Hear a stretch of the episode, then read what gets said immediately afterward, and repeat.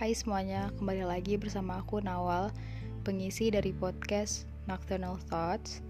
Um, kali ini aku akan membuat uh, episode baru tentunya, dan episode ini adalah kelanjutan dari episode sebelumnya, di mana aku udah melakukan um, apa ya sebutannya kolaborasi atau uh, intinya melakukan rekaman bersama salah satu teman aku untuk kalian yang udah dengerin podcastnya mungkin kalian udah tahu tentang ya tahu uh, tahu lah gitu dia siapa namanya. Bahkan dia udah sebutin lengkap di situ biodatanya. Nah jadi sebenarnya jauh dari sebelum um, podcast ini akhirnya aku rekam aku dan teman aku ini udah kayak punya rencana untuk uh, bikin satu episode bersama gitu. Tapi kita masih belum tahu fokus fokus pembicaraannya itu ke arah mana gitu kan. Masih apa ya masih general banget gitu. Nah terus kebetulan aku lagi buka Instagram terus aku nemuin postingan orang yang uh, dia mengkampanyekan tentang perayaan Hari Kesehatan Mental Sedunia. Nah, yang jatuh pada tanggal 10 Oktober. Terus akhirnya aku mikir kayak kayaknya ini cocok sih untuk dijadikan tema atau uh, fokus pembahasan kami gitu biar nggak ke mana-mana. Dan kebetulan atau aku ceritain dulu ya latar belakang kenapa aku bisa uh, berkomunikasi lagi sama temen aku ini. Maksudnya kita tuh bukan yang deket banget dan kayak kontekan setiap hari gitu. Tapi kebetulan ada satu momentum yang akhirnya kami kayak ngobrol lagi gitu.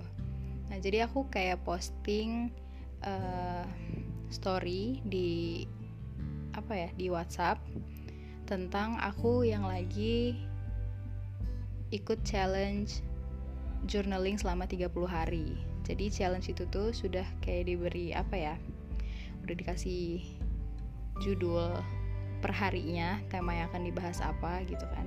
Nah aku posting terus dia nge-replay dia bilang kayak um, buat journaling juga atau apa gitu.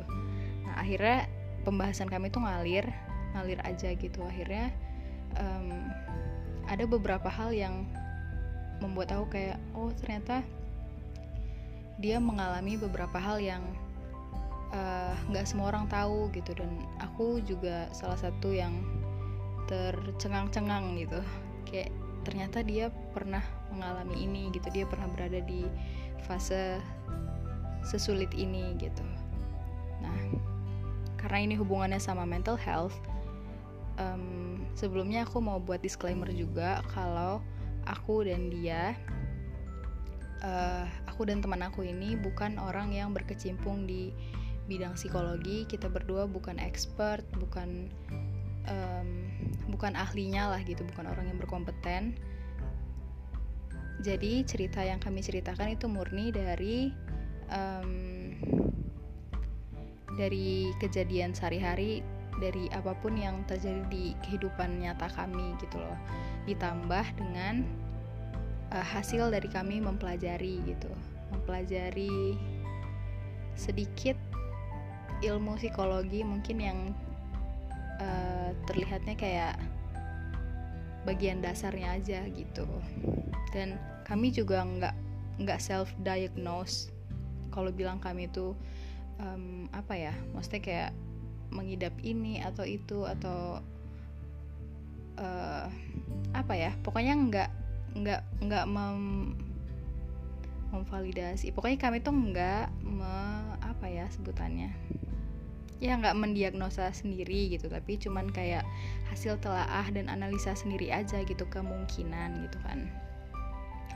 Jadi tujuan kami bikin podcast ini tuh biar paling enggak untuk orang-orang yang ngalamin hal yang sama gitu mereka tahu langkah pertama yang harus mereka lakuin tuh apa gitu.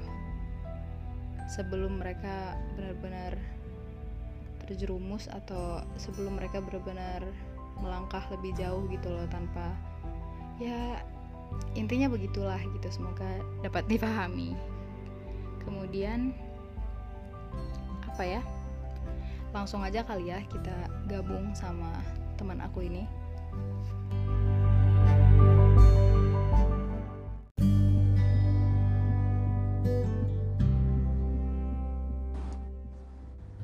Halo Nawal.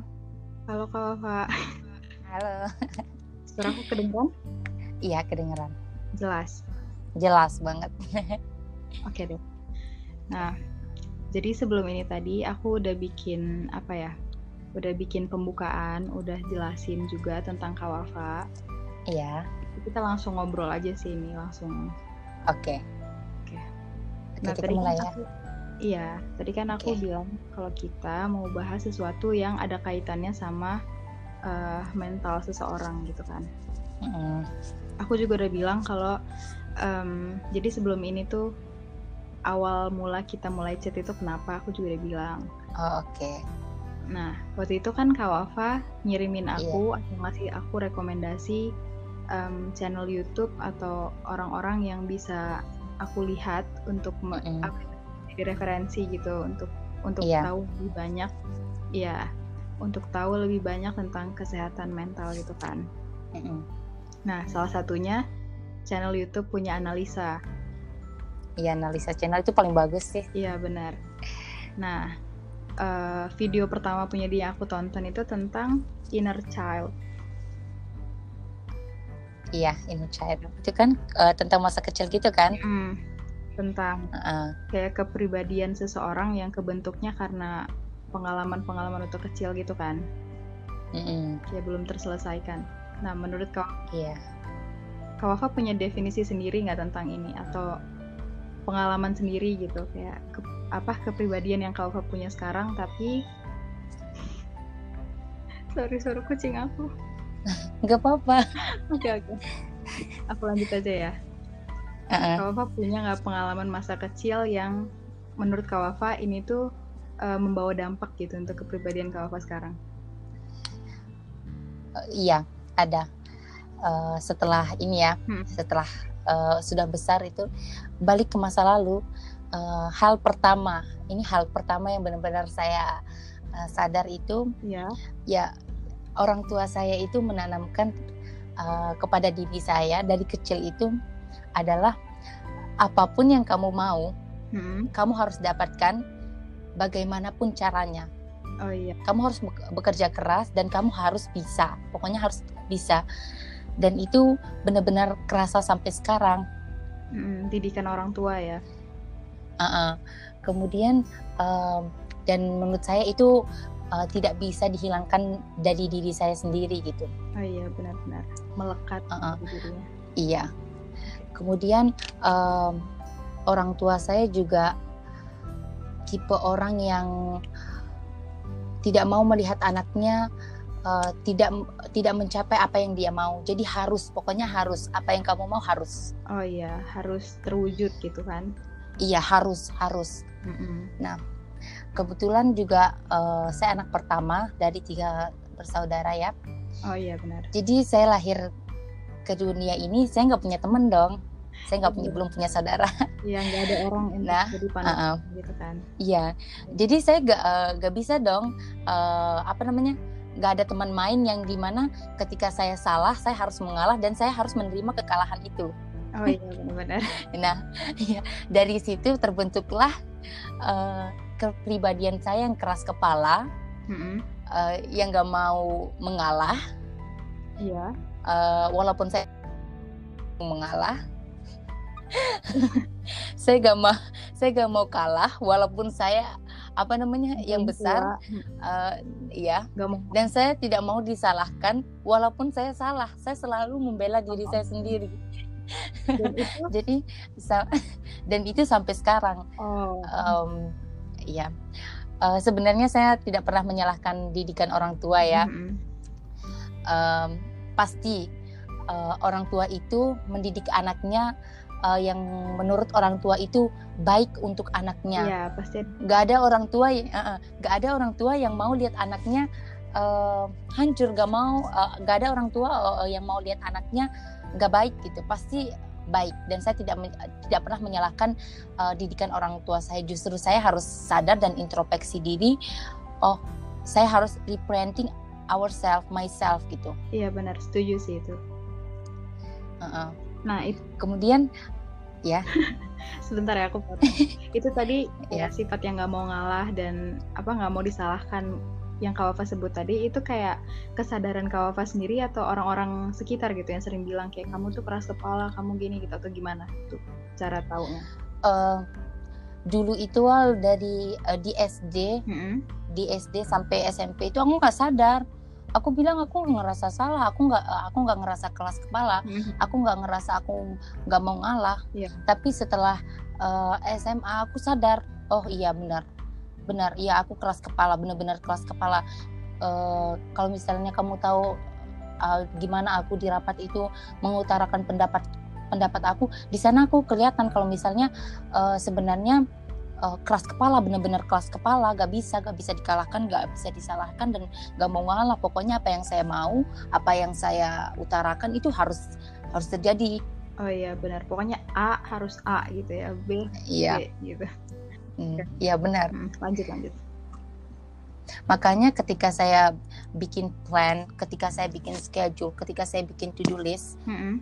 itu harus harus karena ya udah dari kecil udah seperti itu dan orang tua saya udah eh, ngejarin seperti itu ya ngalir aja. Jadi sekarang karena udah eh, besar dan sudah mulai berpikir oh sekarang saya harus berubah menjadi lebih baik karena ini itu bukan sebenarnya kalau misalnya ditempatkan di tempat yang benar mungkin bagus tapi kalau misalnya eh, di setiap kondisi eh, menerapkan sifat yang seperti ini nggak bagus jadi sekarang udah mulai sadar Iya, jadi belajar dengan seiring berjalannya waktu gitu kan. Iya heeh. Terus kalau terus juga iya, ya terus ya kamu dulu Wal. nggak lanjut aja. oke Eh, aku ini juga termasuk anak pertama ya Wal. Mm. Anak sulung. beda sama kamu yang Iya. beda sama kamu yang anak tengah Mm, Bener-bener. Jadi apa aja tuh yang kakak alamin sebagai anak sulung yang mungkin kayak anak tengah, anak bungsu tuh nggak pernah bisa nga- ngalamin atau ngerasain gitu. Eh, mungkin yang pertama orang orang-orang pasti bilang nih kalau misalnya anak pertama itu enak banget bisa nyuruh-nyuruh. Tapi sebenarnya enggak. Justru anak pertama itu eh, menurut saya beban beban yang eh, nggak ada hentinya. Pasti beban itu sampai sampai kamu meninggal sampai eh, terakhir itu sampai kamu meninggal gitu. Oh, iya, benar. Eh, eh, kebetulan orang tua saya juga eh, dulu sebelum ada adik-adik saya mungkin eh, orang tua saya punya banyak waktu tapi seiring berjalannya waktu saya punya eh, kami punya personil baru di keluarga Hmm. jadi orang tua saya harus eh, bekerja lebih keras lebih lebih lebih dari sebelumnya jadi orang tua saya itu kerja dari malam Mm-mm. jadi malam itu nggak tidur Wah. sampai siang eh, kita pulang sekolah. Jadi otomatis di pagi hari ketika kita bangun eh, bangun tidur Mm-mm. mau berangkat sekolah kita nggak nggak nggak ketemu sama mama sama baba. Oh gitu. Hmm, otomatis eh, saya sebagai anak pertama berperan dong di sini Iya, iya. dari mulai bangunin eh, bangun tidur di pagi hari, bikin sarapan, nyetrika, nyuci baju, eh, nyiapin sarapan. Nah, di sini nyiapin sarapan ini kenapa? Kenapa nggak jajan di luar aja gitu? Iya, benar. Lebih praktis gitu. Iya, eh, karena kita mikir kalau misalnya kita jajan, bayangin dong kalau misalnya sehari kita dikasih 5 real, Iya. dikali 4 20 real yang di mana kita eh, di sekolah juga nggak dapat makanan yang kenyang dan eh, enak gitu Iya, kurang puas juga gitu dan Eh, belum tentu sehat gitu kan. Iya jadi eh, kita berinisiatif saya sama adik saya yang kedua berinisiatif oke kita bawa bekal aja walaupun sederhana nasi sama telur aja itu udah cukup Oh iya, benar-benar. selain itu juga kita eh, mengurangi beban orang tua eh, dalam memberi uang jajan gitu Mm-mm. yang dari 5 real mungkin eh, dikasih 3 real dan biasanya kita nggak pakai karena udah bawa bekal udah bawa air dari rumah udah cukup Iya, jadinya bisa ditabungin gitu uangnya kan. ya jadi ditabung kita nabung dan eh, kalau sudah akhir tahun banyak nih tabungan kita bisa beli apa yang kita mau Oh, itu salah satu tips berarti ya. Cara iya uang mensiasati. iya Wah. nah kemudian eh, setelah itu saya juga harus eh, membagi waktu eh, ngajarin mereka eh, ngajarin mereka uh, ngajarin mereka mengerjakan PR. Hmm. Selain itu saya juga punya PR sendiri jadi beban ya. Tapi saya selalu uh, memanage waktu saya saya biar ada waktu untuk saya ngajarin adik saya karena saya sebagai kakak juga uh, harus berperan di dalam uh, apa namanya tanggung jawab mereka. Jadi saya nggak mau lihat adik saya uh, apa yang saya rasakan dulu uh, terjadi sama mereka. Jadi saya selalu kontrol adik saya dari mulai PR, dari mulai buku dan lain sebagainya itu uh, tanggung jawab saya. Oh iya benar. Jadi Kawafa merasa kalau sebagai anak pertama Kawafa dititipi atau kayak dilimpahkan tanggung jawab atas adik-adik yang lumayan banyak ya, nggak cuma satu gitu sama orang tua. Uh, iya. Iya. Kemudian uh, dulu kan uh, saya termasuk orang yang ini ya di dalam kelas yang ya rendah gitu. Oh, susah justru... belajarnya. Nah, oke okay, oke. Okay nah rendah. Nah kemudian uh, seiring berjalannya waktu saya SMP hmm. uh, eh, SMA mulailah berkembang. Saya mulai berkembang dan saya mulai belajar.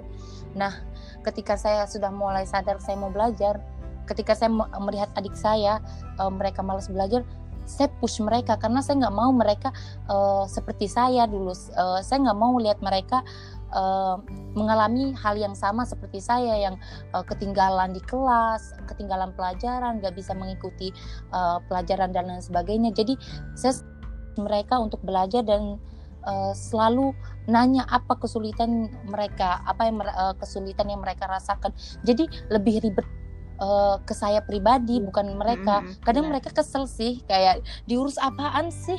Tapi mereka sebenarnya nggak tahu kalau misalnya tujuan saya sebagai kakak itu baik untuk mereka gitu. Iya, jadi Kak Wafa tuh punya beban untuk ngasih panutan yang baik gitu kan untuk adik-adik. Iya, benar. Walaupun kadang saya juga ngerasa kalau misalnya jadi kakak itu belum belum jadi belum bisa jadi kakak yang baik. Jadi saya harus terus terus berusaha biar mereka uh, apa namanya? Mereka sadar kalau misalnya apa yang Kakak Wafa uh, kasih ini sebenarnya baik untuk diri saya ya, gitu. benar-benar. Kakak Wafa, kakak apa? Nah, Iya, kakak Wafa mereka uh, manggilnya kakak Wafa atau uh, sekarang mereka ganti panggilan jadi kakak apa? apa? nah, kemudian um, saya selalu nggak tahu sih ini uh, uh, saya pribadi yang merasakan atau enggak. Saya selalu takut, lebih takut uh, masa le, lebih takut sama masa depan adik saya daripada masa depan saya sendiri. Saya nggak tahu ini uh, saya aja yang merasakan atau banyak orang di luar sana yang merasakan. Tapi jujur saya selalu takut sama masa depan adik saya dibandingkan masa depan saya. Mungkin aku rasa itu juga sih yang di, dirasain sama orang tua orang tua pada umumnya sama anaknya gitu kan. Nah karena Kak Wafa di sini uh, mewakili orang tua gitu mungkin karena sebagai anak hmm. pertama mungkin Kalva juga jadi ikut merasakan hal tersebut gitu. Jadi wajar aja sih kayaknya menurut aku sih. Iya aku juga uh, sebenarnya nggak tahu ya ini uh, akunya yang lebay atau emang semua orang merasakan atau hanya saya merasakan nggak tahu juga ya. Tapi jujur dari dalam hati aku selalu takut uh, sama masa depan adik saya daripada uh, masa depan saya sendiri iya. Oh, iya. Selalu takut selalu selalu ribet selalu apa ya selalu ngurusin gitu hmm, loh. iya. karena takut ya takut. Insting keibuan insting seorang ibu. Iya mungkin. Ya mungkin bisa dibilang iya, seperti iya, itu. terus apa lagi nih yang kau rasain? Uh, uh, ini sih lebih ke uh, kepribadian saya sama adik saya. Adik-adik saya itu berbeda. Oh, ya? bisa, bisa dibilang kayak ekstrovert introvert gitu loh. Oh hmm, hmm. kalau Wafa termasuk yang mana nih? Hmm. aku ya? termasuk ekstrovert yang bener-bener ekstrovert lah. Iya, iya, yang heboh sendiri. harus bersosialisasi sama orang-orang gitu kan. Iya iya. Mm -hmm.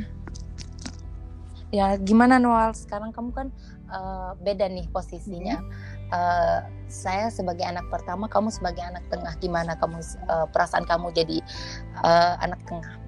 Ya justru aku kayak ngerasa berkebalikan gitu sama Kawafa. Jadi kayak eh, gimana ya, maksudnya uh, tanggung jawab yang Kawafa rasain itu di aku nggak sebegitu berat gitu kan, karena mungkin sama karena itu dilimpahkan ke kakak aku gitu. dan kebetulan Mm-mm, iya laki-laki jadi aku nggak tahu sih gimana perasaan dia apa dia sama kayak Kawafa juga nggak tahu sih nah kalau aku sendiri apa ya? Aku lebih yang banyak menurut aku ya nggak tahu kalau misalnya menurut saudaraku sendiri atau menurut orang tua aku yang melihat. Tapi kalau menurut aku sendiri aku itu termasuk yang uh, banyak mengalah gitu untuk beberapa hal gitu. Karena aku ngerasa ya aku punya kakak gitu kan pasti dia yang harus diprioritaskan oleh orang tua gitu harus pol-polan lah gitu dikasihnya ke dia kayak perhatiannya dan segala macam tapi juga aku punya adik yang dia masih kecil dan dia juga berhak untuk dapat uh, apa ya untuk dapat kasih sayang dan semuanya yang sama gitu sama kakakku jadi akhirnya aku tuh kayak lupa kalau aku juga butuh gitu jadi aku kayak lebih banyak salahnya gitu hmm. menurut aku sih nah hmm. tapi karena Terus, uh, aku ngerasanya jadi anak hmm. kedua itu aku punya jiwa kompetitif kompetitif ya sebutannya kayak aku tuh selalu ingin bersaing sama yeah. kakakku dan adik aku kayak aku nggak mau kalah gitu nah tapi uh, sebetulnya itu kan arahnya cenderung negatif ya biasanya kalau nggak mau kalah yeah. tapi aku ngerasa ini tuh kebantu sama sifat-sifat aku yang lainnya yang mana kayak aku tuh introvert lumayan dan kayak nggak dan mm-hmm. pemalu gitu jadi jadi aku lebih nggak nunjukin mm-hmm. gitu loh kalau aku tuh sebenarnya jealousan kalau aku tuh sebenarnya uh, punya jiwa saing gitu sama saudara aku. Jadi nggak terlalu kelihatan gitu. Mungkin bedanya itu sih. Mm-hmm. terus ada nggak sih uh, yang seperti Ova tadi? Kan Ova ada kayak dari kecil itu ditanamkan untuk apa yang kamu mau harus kamu dapatkan gitu. Ada nggak uh, masa uh, apa namanya pengalaman masa kecil yang sampai sekarang terasa uh, sama kamu? Yang masih kerasa sama aku apa ya um, dari didikan orang tua aja kali ya. Maksudnya iya. kayak aku tuh dari kecil kalau misalnya mamah nih lagi ngobrol sama teman-temannya atau sama siapa gitu sama orang yang lebih dewasa dan aku tiba-tiba nimbrung ikutan gitu itu mama pasti tegur kayak jangan ikutan ya jangan ikutan ya wal gitu. Maksudnya kayak jangan kita ikut campur omongan orang dewasa gitu kan. Walaupun sebenarnya mereka tuh ngomongin misalnya cuma ngomongin tentang belanja gitu nah akhirnya aku karena sering ditegur gitu jadi aku kayak oke okay, berarti aku nggak boleh nih gitu kan. Lama-lama itu tuh aku jadi kayak males gitu ikut campur urusan orang jadi kayak bodoh amat urusan orang aku nggak mau ikut gitu. Nah itu oh. bawa sampai sekarang aku jadi bodoh amat sama masalah orang gitu. Aku nggak enak sih kalau kayak gitu. Iya. Iya enak nggak enak sih sebenarnya. Kadang kayak kalau misalnya ada permasalahan tuh aku suka ketinggalan gitu karena nggak terlalu gitu iya. Tapi ya begitu tapi tapi ya lebih baik kayak gitu sih daripada ngurusin hidup orang iya, ya sebenarnya. Nah uh, ini kan kita beda nih wal. Kamu introvert introvert uh, aku yang extrovert. Mm -hmm. nah uh, gimana kamu uh, apa namanya sebagai manusia introvert capek nggak sih? kayak iya iya ya. karena adik adik aku yang kedua dia itu introvert parah dan dia juga punya jiwa yang hampir mirip sama kamu yang uh, kompetitif dan lain sebagainya dia nggak mau uh, dia selalu mau wah gitu loh mm -hmm dan dia mau uh, selalu berusaha mengalahkan saya sampai suatu hari dia itu kesel sama saya gitu. Iya. Jadi dari Nah, dia juga dari uh, sisi introvert ya. Uh -uh. Aku pernah baca sih ada yang pernah bilang kalau uh, orang itu sebenarnya punya takaran ekstrovert dan introvertnya uh, porsinya beda-beda gitu di setiap orang kan. Dia hmm. nggak melulu iya, introvert, nggak iya, melulu ekstrovert. Dan aku juga kayak hmm. ngerasa gitu gitu. Kadang ada masanya aku hmm. bener-bener ngerasa uh, lagi moodnya tuh ke arah anak introvert banget gitu yang kayak nggak mau bersosial sama orang gitu pengennya di kamar aja dan diem aku tuh bisa kayak cuman diem di kamar nyalain musik at, uh, atau biasanya enggak sih kadang nyalain musik kadang enggak gitu. Maksudnya kalau kondisinya hening aku tuh bisa kayak cuman ngeliatin atap kamar per jam-jam. Ngeri sih. Ya, per jam-jam jadi cuman diem dan itu tuh menurut aku salah satu cara aku buat recharge energi gitu. Jadi kan untuk orang yang uh, sebutlah ekstrovert gitu yang mereka nggak ngerti mungkin mereka ngerasa kayak gila ya kenapa ya? Iya bener. Eh. gila sih adik aku juga sering iya kan tapi menurut aku itu biasa banget gitu kayak aku bisa ngeliatin atap atap kamar gitu. Uh, ini juga wah adik aku juga kadang dia dia introvert banget yeah. ya.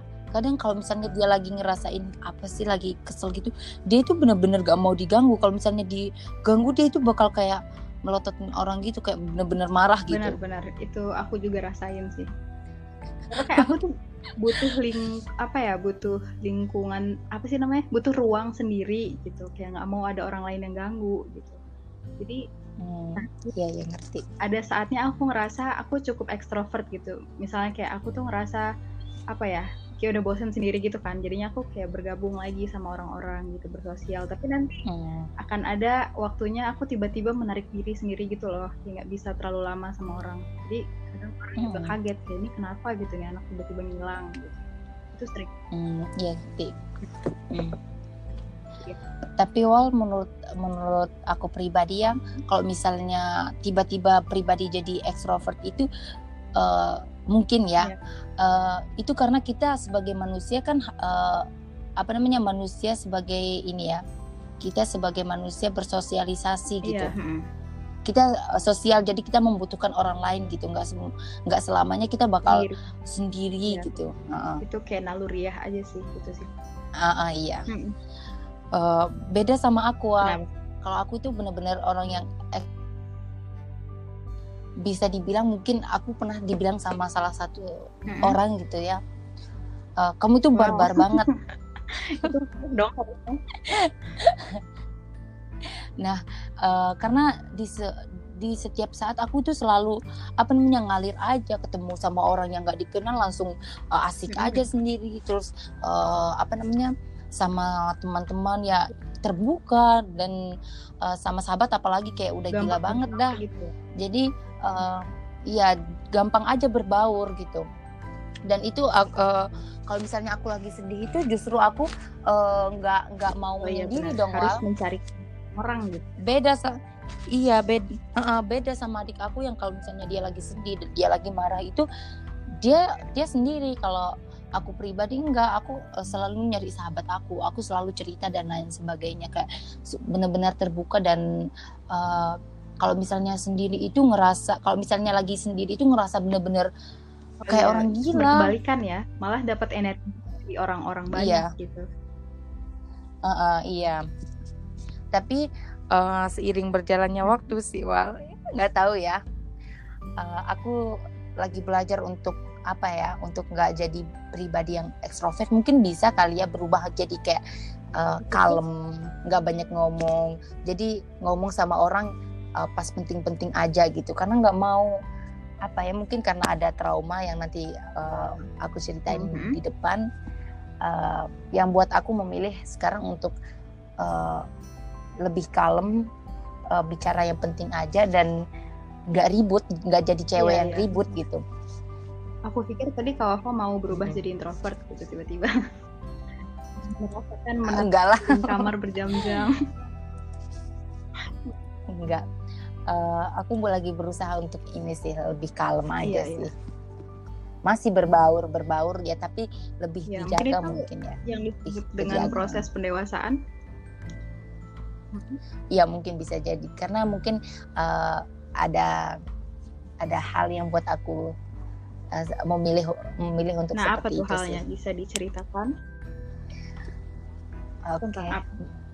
Dari mulai SMP hmm. itu uh, kan udah diceritain kalau misalnya uh, my parent always push me to yeah. study karena karena menurut uh, aku pribadi apa sih yang harus aku kasih ke orang tua aku apa sih yang bisa bahagiain mereka selain aku bisa berprestasi dan mau iya, belajar yeah, gitu kemudian uh, di SMP itu aku mulai belajar aku mulai uh, hmm. ngerangkum uh, dengan cara belajar aku ya, yang itu ribet. Uh, aku begadang. Itu baru menemukan hmm? cara itu pas SMP ya gitu. Iya, baru menemukan cara belajar yang benar-benar pas sama aku walaupun ribet itu pas SMP benar-benar ini.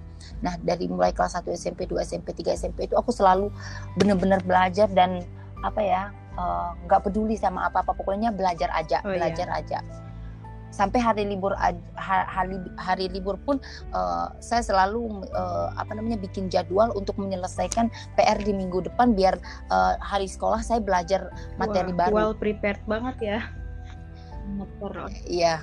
Dan itu sampai sekarang sih Wal kayak harus uh, schedule dan hmm, tertata rapi itu sih capek sih sebenarnya. Tapi ya menurut aku pribadi ya itu biar aku nggak ngerasa bersalah dan aku bisa tenang dan ya, semangat biar ter gitu. tertata aja gitu. Mm-hmm. uh -uh. ya kemudian uh, di SMP itu aku ingat banget kelas 3 SMP aku selalu uh, berusaha untuk dapat nilai yang bagus.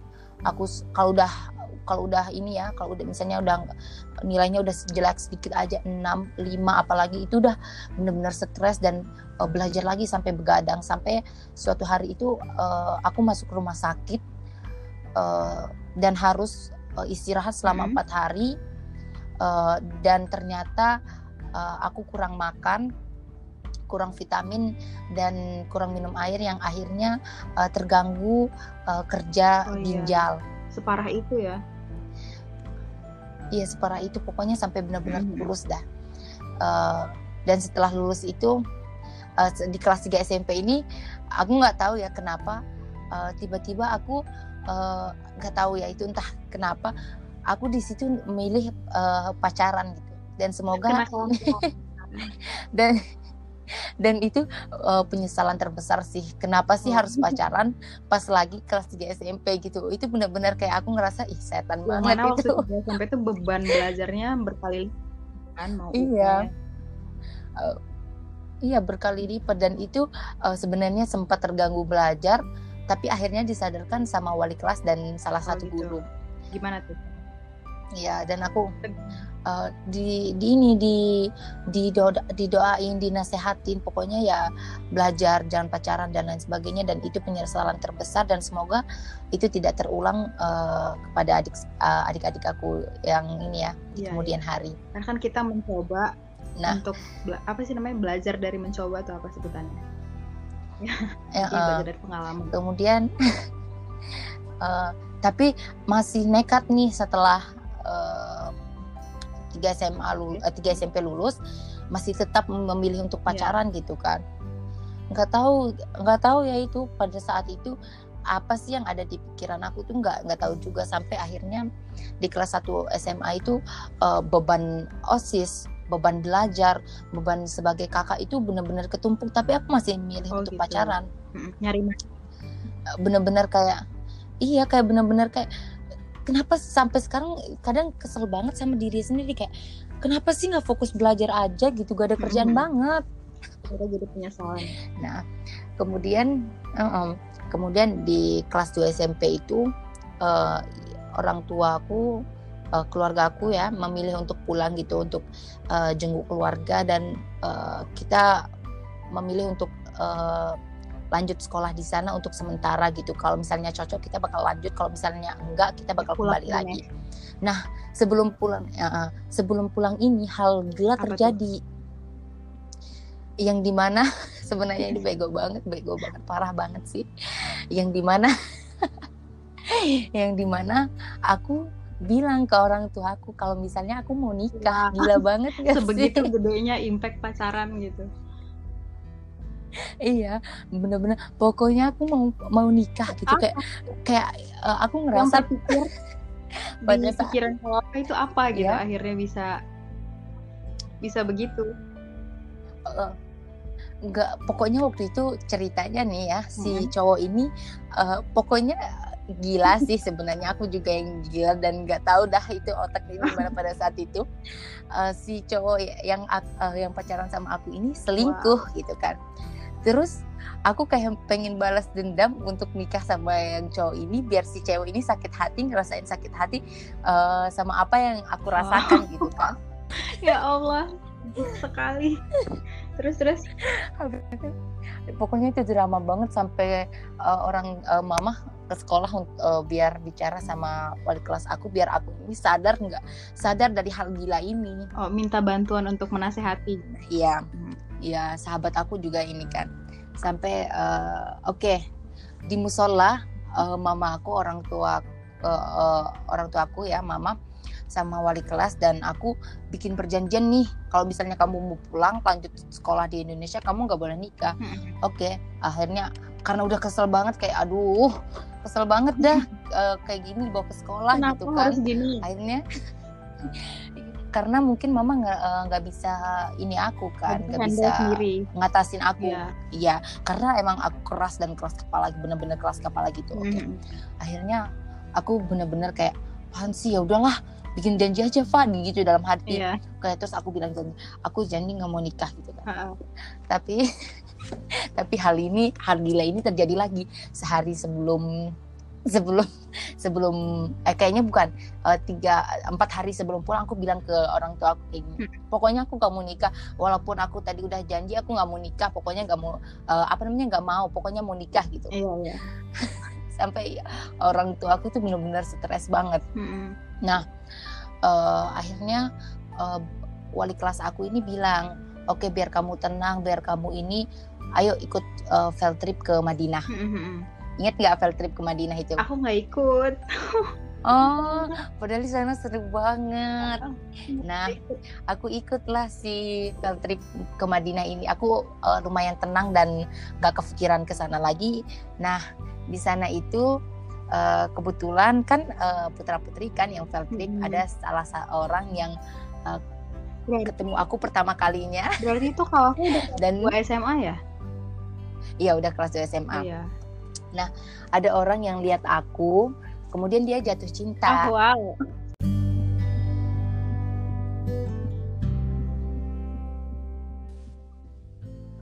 Oke. Ya, tadi terputus ya. Nah, Ada satu dua hal. Nah, kemudian ada orang salah seorang sebenarnya di kelas eh, dia itu jatuh cinta sama aku kan. Tapi sayang eh, aku pulang, Heeh. aku pulang dan dia jadian sama teman aku. Oke. Oh gitu. Terus eh, habis itu aku kenal eh, nih. kenal banget, kenal banget. Kita bicarakan. Nah, kemudian eh, aku sempat bermasalah ketika pulang itu Eh, karena foto yang aku upload kalau kamu tahu pada saat itu pad padahal itu waktu itu lagi ada acara Iya. baju samaan eh, terus kita foto tapi jadi masalah dan itu masalah besar banget gitu Oh iya iya iya. Aku Eh. udah tahu. Aku udah ingat. Eh, eh, eh, karena dibilang kamu gak bisa ngasih contoh yang baik kamu gak bisa jadi dan, dan lain sebagainya. Eh, se- pada saat itu aku mikir oke aku nggak mau balik ke, ke sana sekolah di sana lagi aku mau eh, aku mau tetap sekolah di sini karena kebetulan alhamdulillah aku diterima di SMA favorit Mm-mm. eh, Di dan, sini tuh eh, maksudnya SMA. di Indonesia ya. Eh, ya aku mau udah keterima di eh, SMA favorit dan aku enjoy belajar di sana tapi karena orang tua aku nggak bisa percaya lagi karena takut aku nikah gara-gara itu akhirnya aku harus kembali dan aku kena masalah gitu karena foto itu. Uh, dan dari situ aku mulai kayak uh, diiniin lah dianggap nggak baik gitu loh sama guru-guru aku sendiri. Nah kemudian pokoknya lah di situ aku ngerasa uh, aku benar-benar down banget. Aku berada di titik terendah Mm-mm. sampai uh, naik kelas 3 SMA aku mulai fokus belajar ya. Aku mulai Iya. fokus belajar. Tapi karena aku sakit hati akhirnya eh, laki-laki yang tadi aku ceritain suka sama aku itu dia putus sama teman aku. Mm-mm. Nah kemudian dia deketin aku terus dia jujur Hmm. kalau misalnya kalau misalnya kalau misalnya dia ini suka sama aku dari field trip Madinah tapi karena aku pulang dan lain sebagainya akhirnya dia kayak jadian sama teman aku. Dan sempat nih pas kelas 3 SMA ini aku bermasalah sama temen aku ini. Ini tadi yang pernah jadian sama dia itu. part yang orang suka eh, yang suka sama Kak Wafa ini kalau disebutin di sini nggak apa-apa. Maksudnya kalau misalnya kebetulan orangnya dengar itu nggak masalah. aku nggak mau nama orang sih Oh iya oke oke. kemudian eh, akhirnya aku bermasalah nih. Masalah lagi sama eh, si temen temen aku sendiri yang pacaran sama dia dulu gitu kan. Hanya masalah-masalah lagi. Tapi aku tetap chat aja. Sebenarnya aku nggak pacaran sama dia. Cuman deket aja. Cuman kayak chat everyday lagi Hmm. ngapain dan lain sebagainya. Nggak pacaran gitu. Lagi ngapain dan lain sebagainya. Sampai akhirnya di uh, titik di mana aku udah jenuh sama kehidupan aku yang kayak gini iya uh, udah benar-benar kayak capek banget kayak ngapain sih ya udahlah udah kelas 3 SMA juga akhirnya uh, aku mulai sadar dan blok semua laki-laki uh, dan lost kontak sama laki-laki itu ketika aku seminggu sebelum aku kepilih olimpiade jadi alhamdulillah aku kepilih olimpiade IPA kan yeah. Iya. uh, jadi aku fokus uh, belajar itu, jadi fokus itu. belajar dan adik aku waktu kelas tiga uh, adik aku ya alhamdulillah adik aku juga kepilih olimpiade matematika oh iya nah kemudian uh, ada hal yang sebelum aku berangkat ke Riyadh ini kan olimpiadanya di Riyadh hmm. ada suatu hal di mana uh, lagi libur terus adik aku yang perempuan ini yang kedua ini dia mimpi uh, kalau misalnya gigi belakangnya gigi bawah di belakangnya ini kalau nggak salah copot mm-hmm. terus pagi-pagi itu uh, dia cari artinya terus dia langsung nangis histeris kayak teriak jangan nggak mau nggak mau. Di mana kita juga nggak ngerti.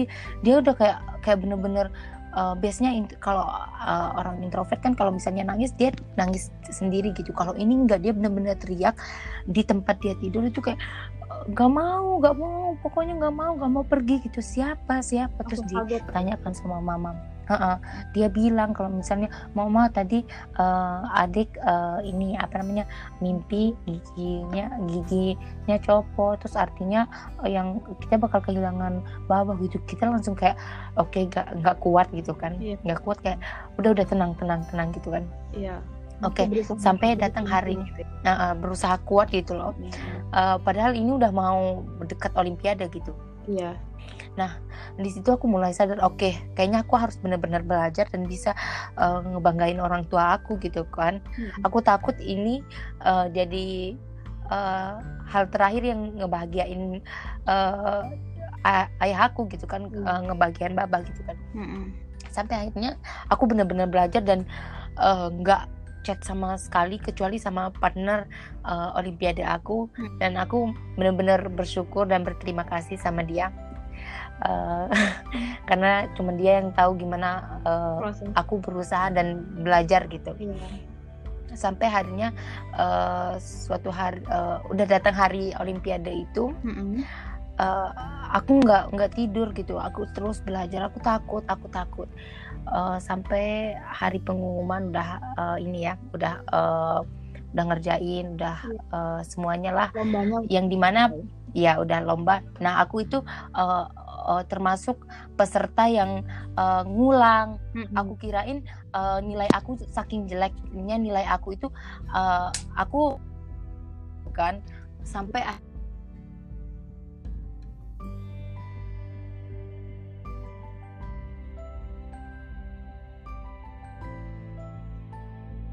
apa uh, bilang nggak apa-apa tenangin tadi diri keputus sendiri. loh nggak ada suara. Oh ya kok ya ya tadi hmm. connecting. Uh, pokoknya selesai nih uh, acara olimpiadenya besoknya pengumuman. Itu benar-benar deg-degan gitu. Uh, adik-adik aku uh, dan sahabat-sahabatnya kan uh, ikut olimpiade semua.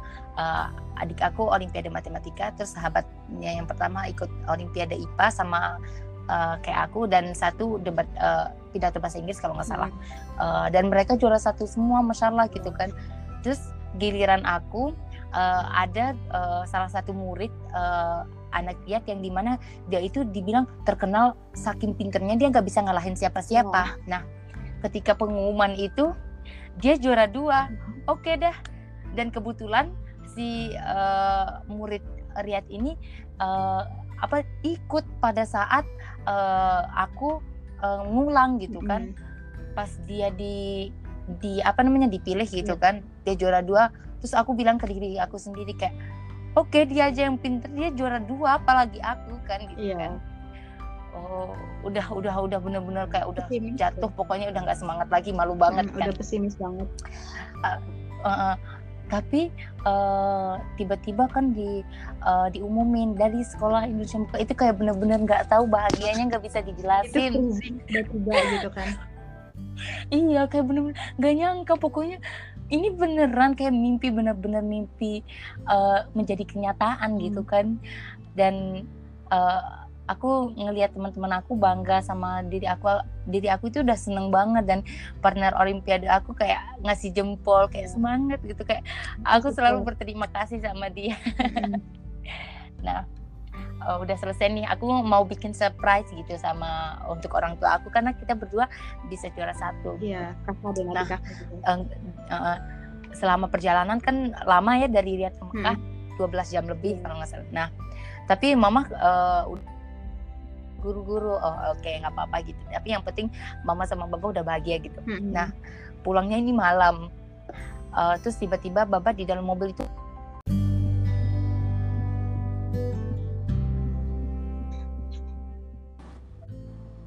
halo? Wah, iya. Oke tadi tadi keputus keputus oke. Mm-mm. Eh, aku pulang nih eh, dari Riyadh sampai ke Mekah di mobil. Eh, bapak bilang Pak Mm-mm. panggilan kita ya. Eh, Bapak pulang ya karena Bapak udah capek sakit Bapak eh, mau pulang Iya. berobat gitu kan. Eh, Bapak bilang kalau Bapak udah capek di sini kalian gak apa-apa ya diam di sini Bapak pulang. Kan nanti ada mama Iya. dia bilang kayak gitu. Eh, beliau nggak bilang mau pulang ke. Lombok gitu kan enggak beliau bilangnya "Eh, Bapak Oh mau itu tuh pulang ya waktu tengah terus nggak aku sih? sedih kan gitu Pas waktu itu kawan udah ngerasa itu kayak firasat nggak gitu kayak Baba bilang mau pulang. Iya, udah firasat banget, udah udah firasat banget kayak eh, terus aku kan kayak sedih gitu ke, eh, bilang ke bapak, "Pak, kenapa sih? Oh kan kakak apa sama Afnan baru pulang Olimpiade, kenapa bapak langsung bilang kayak gitu kan kayak Iya. sedih banget gitu." Tapi kalau misalnya bapak udah capek sama bapak sakit karena bapak nggak tahu apa yang bapak eh, rasakan dan penyakit bapak, oke ya udah nggak apa-apa pulang gitu kan. Itu benar-benar kayak Iya.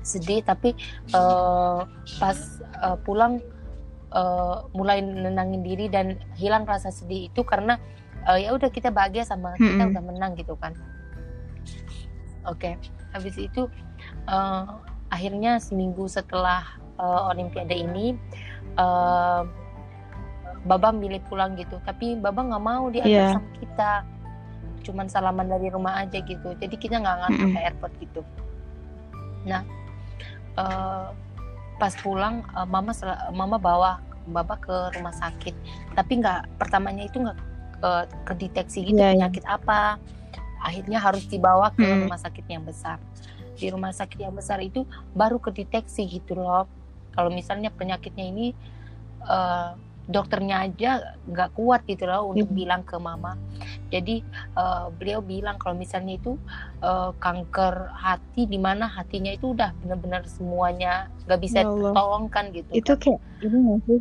Yang berstadium eh, gitu kan kalau kanker itu Iya, iya, iya.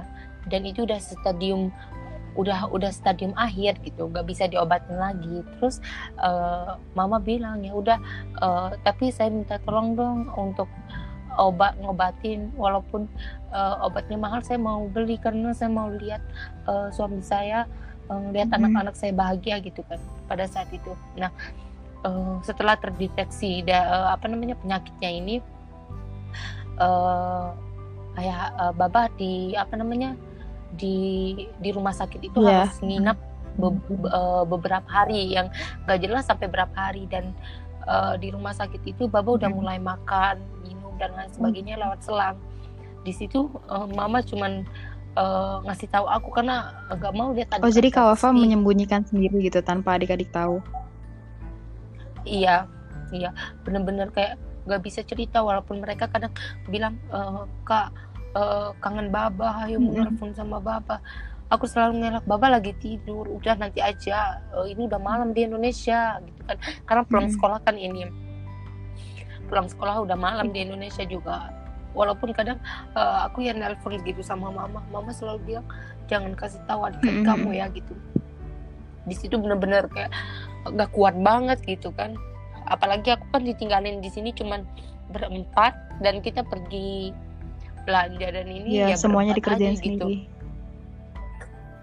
iya dikerjain sendiri belajar nyuci baju dan lain sebagainya Iya. ditinggalin Eh, sampai akhirnya dokternya bilang ini sudah gak bisa di ini harus udah disuruh pulang aja gitu kan pulang sehari paginya udah eh, udah gak ada gitu dan itu bulan Desember bulan Desember itu di mana kita uas gitu kita uas eh, paginya itu meninggal dan kita kita kan biasanya kalau misalnya udah bangun pagi sholat subuh itu nggak tidur Iya. lagi tapi kali ini kita tidur yang di mana eh, waktu itu eh, waktu waktu babah meninggal gitu jadi kita telat ya. gitu dikasih tahunya padahal padahal eh, hari ahad itu kan di sini itu kan eh, Mm-mm. kita mulai sekolah dan kita uas besoknya Oh iya hari ahad Oh di sana kan beda ya.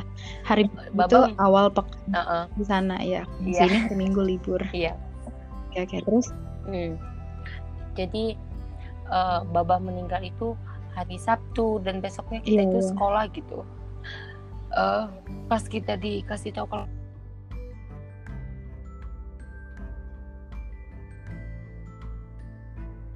gak nyangka kalau bisa terus kita yang bikin sedih itu kita nggak bisa ada ada di samping baba di hembusan terakhir nafasnya terus kita nggak nggak pernah di Dikasih apa? sehat terakhir itu enggak enggak enggak di dikasih kayak eh, tetap belajar ya tapi enggak jadi itu benar-benar Mm-mm. bikin kita terpukul dan besoknya Itu bertubi-tubi itu banget ya. Maksudnya kayak benar-benar nggak fokus padahal ujian, ujian terus ditimpa sama masalah kayak gini yang beratnya Iya. biasa. Mm-mm. Terus Nah, akhirnya eh, pokoknya ya pada saat itu aku uas nggak nggak nggak nggak bercabang. belajar banyak yang penting aku belajar karena Mm-mm. benar-benar nggak tenang gimana benar-benar sedih gitu iya akhirnya di situ saya memilih untuk oke kayaknya aku nggak bisa lanjut sekolah deh Eh, mimpi aku udah terlalu tinggi. Aku harus bantuin orang tua aku di sini. Aku harus bantuin Hmm. mama untuk eh, ngejagain adik-adik aku. Aku nggak Hmm. mungkin ninggalin mama gitu kan. Apalagi adik-adik aku masih kecil. Seiring berjalannya waktu oke eh, udah udah mulai eh, suruh milih jurusan nyuruh- disuruh pilih universitas mana Oh, yang iya. mau eh, dituju. Dan alhamdulillah aku masuk SMPTN oke aku bilang aku bakal eh, aku aku akan daftar uh, di universitas yang aku mau uh, yang aku impikan dan universitas uh, dan jurusan yang benar-benar aku mau dari aku Iya, iya. pikir. Walaupun mungkin memang uh, aku nggak bisa gitu kan. Uh, aku uh, aku daftar di UI aku uh, daftar di Unram di mana itu semua universitas uh, impian aku dan aku masukin uh, fakultas kedokteran dua-duanya dan uh, Iya ya. eh, eh, jurusan cadangan itu biologi sampai akhirnya pengumuman SMPTN aku nggak lulus dan eh, oke aku bilang eh, walaupun aku nggak lulus ya setidaknya aku sudah mengobati Iya. apa namanya mimpi-mimpi aku udah aku iniin ya Hmm. mimpi aku jadi eh, daftar gitu walaupun nggak keterima akhirnya akhirnya lulus sekolah aku selalu dibilang sama banyak orang eh, Oh iya karena nggak lanjut sekolah karena mau nikah padahal sebenarnya enggak aku enggak eh, ya karena kasus Iya. pas eh, Mm-mm. eh, ya eh, kasus pacaran di masa lalu dan lain sebagainya padahal mereka nggak tahu alasan eh, aku nggak lanjut sekolah itu sebenarnya untuk eh, bantuin orang tua aku Untuk- bantuin mama untuk eh, ngebiayain adik-adik aku Mm. untuk apa untuk nge- eh, ngejaga adik aku kan sampai akhirnya di mana eh, ada salah seorang bilang eh, ngapain pinter-pinter di kelas tapi ujung-ujungnya nggak kuliah? Itu yang buat adik aku yang kedua ini benar-benar terpukul dan malu gitu loh punya eh, kakak seperti aku gitu. Sampai akhirnya kepikiran. eh, di situ aku mulai kayak stres aku mulai menyalahkan mm, me- overthinking menyalahkan diri sendiri. Eh, nyesel kenapa sih kamu jadi pinter dulu? Kenapa sih kamu eh, jadi orang yang seperti itu? Oh, kenapa sih gitu. kamu nggak jadi bego aja dulu? Kenapa biar nggak dikayak giniin gitu loh? Sampai akhirnya uh-uh, sampai akhirnya di mana aku eh, nyalahin diri sendiri ah, itu sampai mukul dada gitu loh sampai mukul dada sampai menarik rambut sendiri sampai melukai diri sendiri sampai rela eh, Lalu ini, pecahan gelas gitu. untuk melukai diri aku Puncak sendiri Rohat. karena eh, iya Mm. terus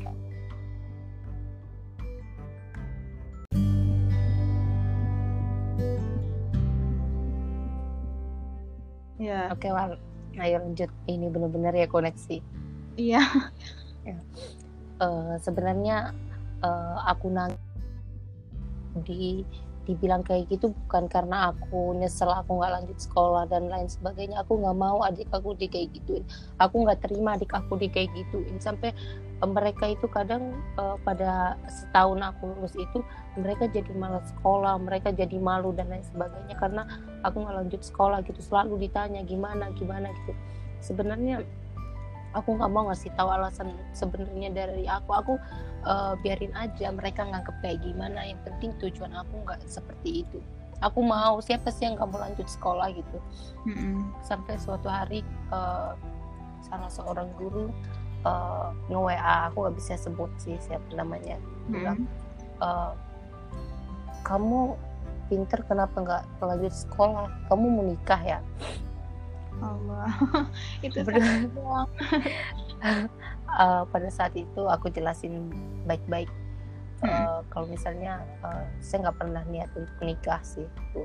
Ya, akhirnya buka suara di situ. iya Eh, saya sebenarnya eh, saya tahu saya pernah salah di masa lalu kalau misalnya saya pacaran dan lain sebagainya tapi eh, sekarang eh, saya sudah mikir dan saya sudah sadar kalau misalnya eh, tugas saya sekarang eh, menjaga adik-adik saya dan membantu eh, mama saya karena ayah saya nggak sudah nggak ada Iya, iya. Ah, akhirnya eh, beliau beliau nggak ini lagi beliau nggak nanya lagi Nggak respon. dan Nggak, ya ya. dan akhirnya eh, ya udah eh, dari situ aku mulai tenang dan udah gitu udah selesai di situ dan itu eh, puncak yang benar-benar aku rasain eh, yang benar-benar sakit dan titik terendah aku sih Oh, itu iya. aja sih yang buat aku trauma dan eh, buat aku memilih untuk eh, eh, apa namanya hilang dari sosmed untuk lebih kalem untuk lebih ini karena itu dari masa lalu yang yang seperti itulah. Jadi kalau misalnya ditanya em, apa ya? Tadi kan kita ngebahasnya tentang kaitan antara pengalaman yang pernah kakak lewatin dalam hidup sama apa ya sama mental health dan masalah kejiwaan ini gitu kan. Nah kan beberapa aku lihat kayak ciri-ciri ciri-ciri utamanya atau ciri-ciri gejala awalnya gitu. Kayak orang-orang merasakan kecemasan gitu kan sedih berlebih. Itu aku aku dapetin semua gitu dari cerita Kawafa sampai ada percobaan untuk suicide atau iya. kayak mencelakai diri gitu itu juga ada Hmm. gitu jadi Hmm. iya nah em, apa ya tadi sadar itu ya Iya benar-benar. Nah menurut Hmm. Kawafa sendiri titik di mana Kawafa sadar gitu kayak kayaknya nih nggak beres deh itu tuh kapan dan gimana caranya? Eh, pertama yang aku rasain dari lulus sekolah itu kan pastinya insecure lihat teman-teman yang udah eh, lanjut kuliah, yang udah Hmm. ada yang udah kerja, ada yang udah nikah dan lain sebagainya dan sedangkan aku stuck di sini kan. Iya. Dan itu buat aku nyalahin diri aku sendiri, aku nyakitin diri. Aku marah sama diri aku sendiri, aku kesel sama diri aku sendiri. Mm-mm. sampai akhirnya sadar itu eh, ketika aku eh, jadi efek dari apa namanya kis- eh, eh, cerita-cerita sebelumnya itu aku benar-benar berubah aku jadi kasar aku kasar sama diri aku sendiri dan orang-orang sekeliling aku aku suka teriak aku suka emosi aku suka marahin adik aku tanpa sebab aku mood swing sih namanya yang kayak Iya. tiba-tiba marah tiba-tiba seneng gitu loh kayak tiba-tiba oke ketawa gitu seneng gitu Perubahannya Tapi- drastis gitu kan. Iya benar. Dan tiba-tiba marah, padahal hal sepele gitu. Iya. Eh, suka eh, kadang juga sama mama juga aku marah gitu loh. Dan tapi setelah sadar itu aku eh, mikir tadi kenapa sih gitu kan? Iya. Kenapa tadi kenapa sih padahal hal sepele gitu kan? Jadi Oh, habis sampai akhirnya- berlaku habis berlaku itu Kawafa langsung kayak tiba-tiba sadar sendiri gitu kayak Iya kayak sadar.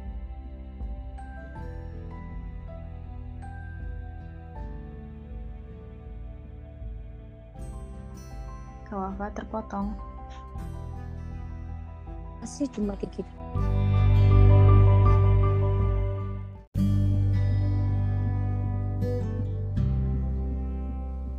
Oke, Wal tadi ke save nggak? Mm-mm, ke save kok. Oh, Oke. Uh, Jadi uh, mungkin orang-orang di sekeliling aku ini udah mulai capek sama sifat-sifat aku yang suka teriak, emosi, tiba-tiba marah dan lain sebagainya. Akhirnya uh, adik aku yang kedua ini bilang ke aku, kak kayaknya kakak berubah deh. Uh, Mm-mm. terus aku juga sering dibilang sama mama, ini kayak orang gila gitu kan. Kayak Iya. apa sih suka marah-marah gitu. Adik aku yang kecil juga bilang suka tiba-tiba kenapa sih suka marah-marah terus kerjaannya gitu kan. Iya. Nah di situ aku mulai kayak ngebayangin, aku ngebayangin muka Sofia ngomong gitu. eh, dia eh, kenapa sih kakak suka marah-marah terus Iya. kemudian eh, oke aku mulai sadar gitu kan oke mulai Mm-mm. sadar oh iya kenapa sih tapi nggak langsung kayak aku nyari tahu kenapa enggak aku mulai Iya. kayak eh, oke diem eh, apa mencoba gitu untuk nggak Merenungkan. marah nah, em, sampai Mm-mm. akhirnya aku aku kerja aku kerja itu aku alhamdulillah mulai mulai ini ya mulai kayak aku nerima diri aku sendiri alhamdulillah aku bersyukur oke berarti Tuhan punya rencana yang lain untuk aku udah Iya. aku dapat kerja aku juga udah daftar kuliah gitu Iya, iya. Oke.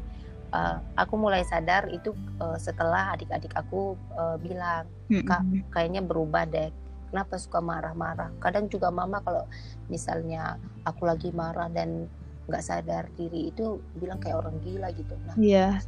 Suatu hari itu aku duduk gitu loh kayak pas dibilang itu aku sadar kayak iya kenapa juga ya? Tapi aku nggak langsung nyari kenapa sih hal ini terjadi sama diri aku sendiri? Enggak Ha-ha. Eh, kemudian aku kerjakan aku kerja eh, di situ aku mulai beri- berubah dan bisa menerima diri sendiri.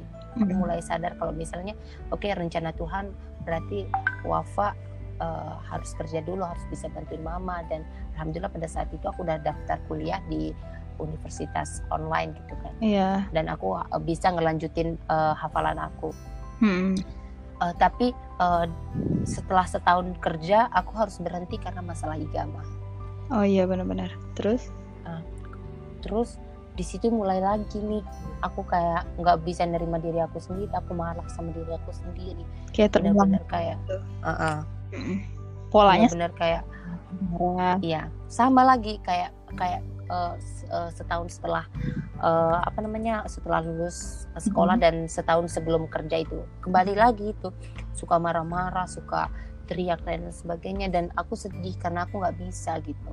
Mm-mm. Sampai akhirnya suatu hari itu aku buka salah satu eh, selebgram Indonesia Iya. eh, dia bilang kalau misalnya aku ini eh, bipolar Oh, Oke.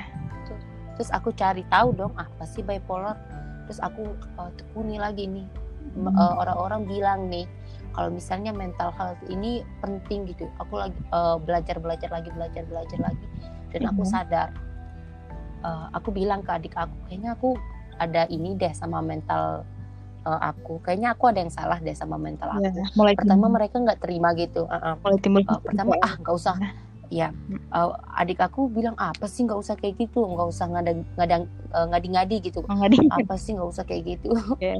karena takut karena uh, mungkin karena kita dulu nganggap mental health itu suatu Sesuatu. hal yang kayak ini ya serius banget gitu Iya. terus mereka nggak terima nggak nggak nggak nggak mungkin gitu Hmm. tapi lama kelamaan dia tahu dia dia pelajari mungkin dan dia bilang iya benar dari situ aku mulai ya ini mulai sadar mulai um, Menggali informasi lagi gitu. uh, um, mulai uh, apa namanya bikin tujuan uh, biar bisa jadi pribadi yang lebih baik biar Oh.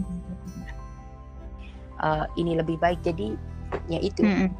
di situ mulai Iya. sadar Sebenarnya kayak bipolar gitu kita nggak bisa mendiagnosa sendiri kan kayak harus Iya, iya. Kita gak bisa mendiagnosa sendiri, tapi uh, aku nggak pernah mendiagnosa diri aku sendiri. Eh, kayaknya aku bipolar Iya. dan enggak.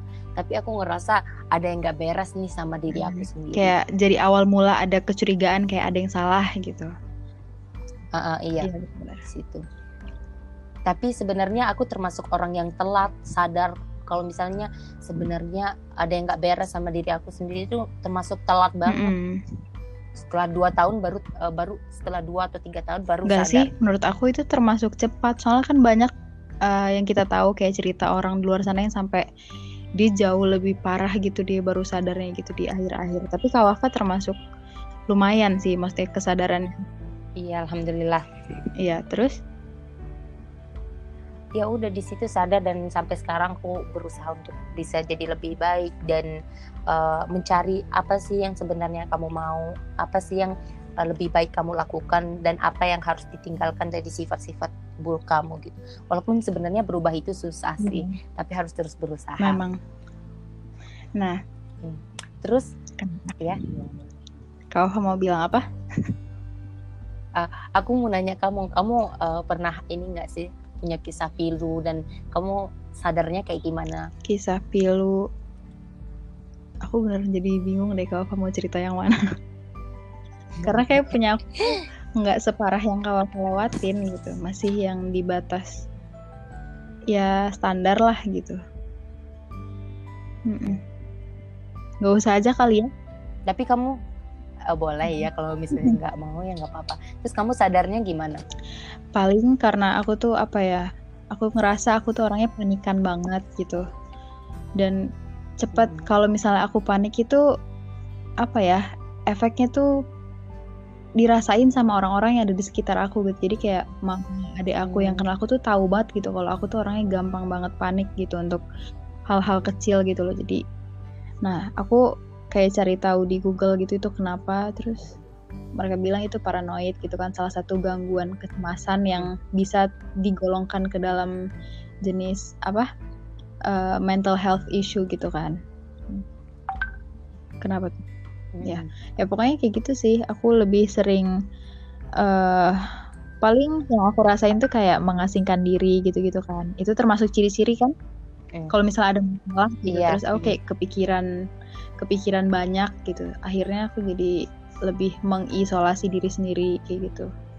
Emosinya juga berubah iya, sama lah kayak Kak Wafa yang mungkin mood iya. swing gitu. Tapi aku juga pernah loh dulu ngira aku bipolar sebelum aku tahu bipolar itu apa gitu. Ngira oh. gitu. Kayaknya ya, ya, hampir ngerti. semua orang kayaknya sih kalau misalnya eh maksudnya pernah merasakan gitu uh, kayak mereka meragukan diri mereka sendiri gitu. Kayak kayaknya aku punya bipolar deh. Aku juga pernah gitu soalnya cari hmm. tahu iya. bisa aja swing hmm. kan Iya bisa jadi bisa jadi. Uh, setelah ini, wal aku belajar banyak hal tentang mental health. Aku ngerasa orang yang ke psikologi itu bukan orang yang gila, justru mereka yang peduli sama diri iya, mereka sendiri. Benar-benar. Lebih aware gitu sama uh -uh. mentalnya mereka. Iya, Nah, dari apa namanya kan tadi Kak udah mulai sadar kan. Hal pertama yang Kak Alfa lakuin itu apa? Untuk oke okay, aku mulai deh gitu untuk memperbaiki itu apa? Pertama itu yang aku ngerasain dari diri aku sendiri itu mungkin karena aku uh, bukan mau sombong sih dulu mungkin pas sekolah kita kan kayak sholat duha itu sholat duha ngaji kan uh, di sekolah kayak gitu kan. Uh, tapi setelah uh, setelah lulus itu aku nggak nggak lagi kayak gitu kayak meninggalkan gitu loh kayak meninggalkan. Yeah. Nah mungkin dari situ dari situ kayaknya uh, aku uh, hal pertama yang aku tanamkan dari dalam diri aku sendiri itu uh, dan mungkin uh, dulu ayah aku juga pernah bilang bapak bilang gini kalau uh, selalu dahulukan Allah selalu jadikan Allah itu pertama put Allah first everywhere mm -hmm. gitu apa pun yang terjadi iya, gitu. Iya, benar, Nah, uh, hal yang aku tanamkan ketika aku mulai sadar itu uh, mencintai Allah adalah fondasi agar kita bisa mencintai diri kita sendiri. Oh, Masya Allah, Ukti. tapi apa eh, masih jauh dari kata baik. Tapi kalau kamu nonton uh, analisa channel yang self love, uh-uh. uh, dia juga bilang kalau misalnya hal pertama itu mencintai pencipta kita uh, dan kita akan mencintai diri kita sendiri. Iya ya benar. Jadi lebih ke arah spiritual mm -hmm. perbaiki. Uh -uh. Tapi kemudian uh, self tapi aku potong sebentar ya. Nah, iya, kadang di beberapa apa. video orang-orang yang ngomongin tentang mental health, aku lihat mereka bilang uh, kita nggak apa ya, maksudnya kayak nggak semua orang bisa terobati dengan dia uh, apa memperbaiki sisi spiritualnya gitu. Maksudnya kalau kita ngasih tahu ke orang nih misalnya kamu tuh kayaknya kurang iman deh kamu kurang beribadah gitu iya. itu tuh malah jadi sesuatu yang bikin mereka makin stres. Tertekan. Iya, iya bener banget bener banget. Kalau uh, sebenarnya Nawal kalau misalnya orang bilang kayak gitu ke kamu oke okay, aku juga tertekan. Aku juga tertekan. Tapi uh, aku sadar dan aku nanamin ke diri aku sendiri kalau misalnya kita itu harus uh, put Allah first yeah. gitu loh. Aku tanamin dalam diri aku sendiri. Kemudian um, self healing yang biasa saya uh, yang aku lakuin itu dari hal yang paling mudah mm-hmm. itu ya selalu mendekatkan diri kepada Allah. Itu hal yang mungkin uh, susah tapi uh, aku selalu dahulukan ya, itu jadi perlahan-lahan gitu ya. Yeah.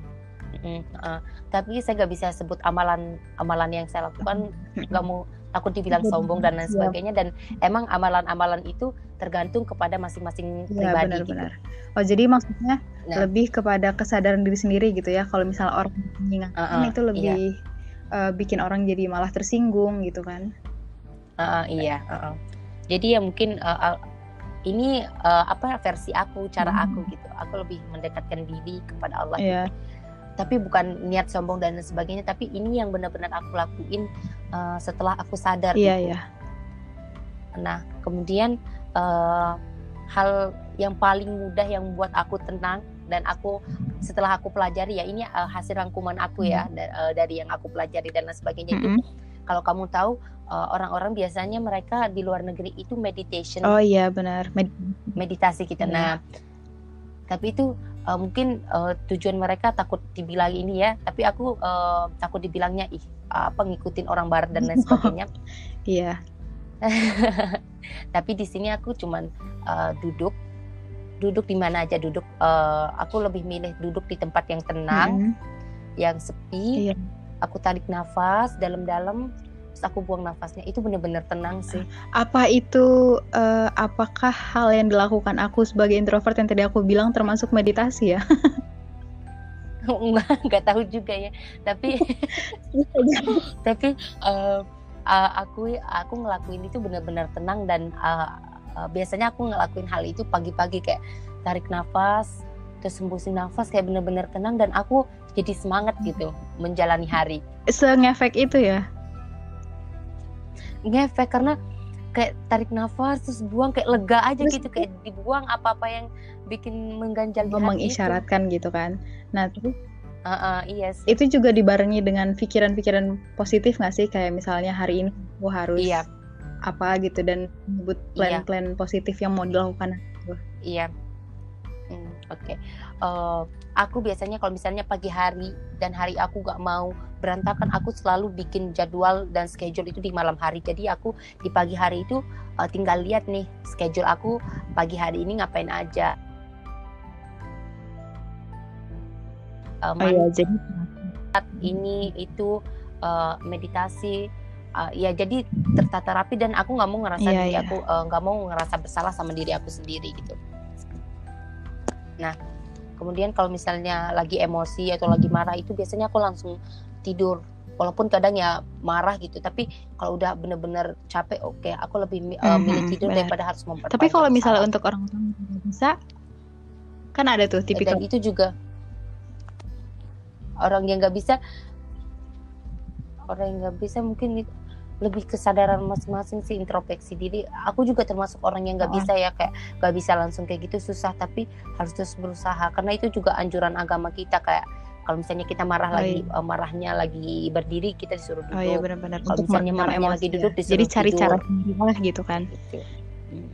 oke okay. uh, terus berikutnya uh, uh, iya nah biasanya juga kalau misalnya ada waktu luang atau emang lagi ada jadwal uh, aku lagi harus belajar tentang self healing aku biasanya kayak uh, nonton uh, atau baca bagaimana meredakan dan mengontrol emosi entah itu dari sisi oh, iya, saling psikologi mendukung ya ataupun ya, dari sisi agama. Mm -hmm. Mm -hmm. terus um, ini yang paling aku rasain ya terus introspeksi diri. Tanya sama diri sendiri tanya sama orang sekeliling. Terus tulis uh, self reminder biar apa namanya uh, biar kita ya biar kita sadar terus uh, banyak-banyak baca quotes biar kita uh, sadar gitu biar kita bisa meredakan emosi iya, kita benar -benar. bisa menerima diri kita sendiri dan lain sebagainya dan uh, iya. hal yang benar-benar ampuh mungkin iya, kamu itu juga ngerasain efeknya berasa uh, sih di aku journaling apalagi kalau misalnya lagi lagi iya. sesek-seseknya gitu uh, kalau pertama, lagi puncak amarah iya. gitu itu kalau misalnya di aku ya hmm. terus aku langsung nulis gitu walaupun tulisannya bener-bener kayak cakaran ayam itu kayak pas udah selesainya tuh kayak bener-bener rilis gitu kayak masalahnya hmm. ter apa ya ter menguap aja gitu benar lega iya lega jadinya bener-bener lega uh, Uh, tapi aku mulai journaling itu selama pandemi. Jadi aku lihat salah satu selebgram Indonesia mm -hmm. yang di mana dia juga punya masalah mental health, mm -hmm. terus dia journaling dan aku coba gitu. Aku coba uh, pertama karena uh, aku itu nggak punya teman, bukan nggak punya teman sih. Aku mm uh, sulit percaya sama orang lain, ya karena pernah di pernah cerita sama orang lain terus orang lain itu cerita sama orang lain yang buat aku bener-bener malu dan ngefek ke keluarga aku sendiri gitu jadi aku bener-bener kayak oke okay, aku nggak nggak bisa percaya sama orang plek-plekan gitu mending uh, aku juga uh, mending cerita sendiri baca sendiri lega sendiri gitu daripada harus cerita sama orang lain yang di mana kadang mereka juga bingung dan nggak sepemikiran sama kita mereka juga iya dan kebanyakan orang-orang uh, tuh cuman penasaran aja gitu Iya bener banget, bener banget kayak iya. kenapa, kenapa, kenapa? Oh yang sabar ya. Iya, itu ngebantu. Pasti ada masalah ya, gitu aja. Gak ada solusi. Hmm. oh jadi intinya gara-gara um, kejadian lagi. itu Kak jadi punya trust issue yeah. gitu kan sama orang-orang. Iya. Juga kadang aku uh, aku ngerasa berdosa sendiri sih kalau misalnya aku uh, lost respect nggak sih namanya? Gimana tuh maksudnya? Kayak, apa sih gitu sama orang lain oh, lost respect kehilangan kayak saya gitu oh iya benar-benar kayak ya, uh, iya uh, iya kayak gitu jadi aduh kadang ngerasa berdosa sih tapi oh, gak bisa oh, dong iya. aku udah itu, kayak gitu masa aku ya, tetap perasaan paling sih. manusia banget gitu kayak okay, kan. semua orang akan ngerasain gitu kalau misalnya dikejar hmm. hmm. Uh -uh. nah kemudian uh, salah satu self healing yang saya lakuin untuk diri saya sendiri itu adalah uh, belajar mencintai diri nah. saya sendiri dan uh, merawat diri saya sendiri. Kalau kamu nonton analisa yeah. channel ada challenge uh, kamu tahu deh kayak gimana mm -hmm. kan?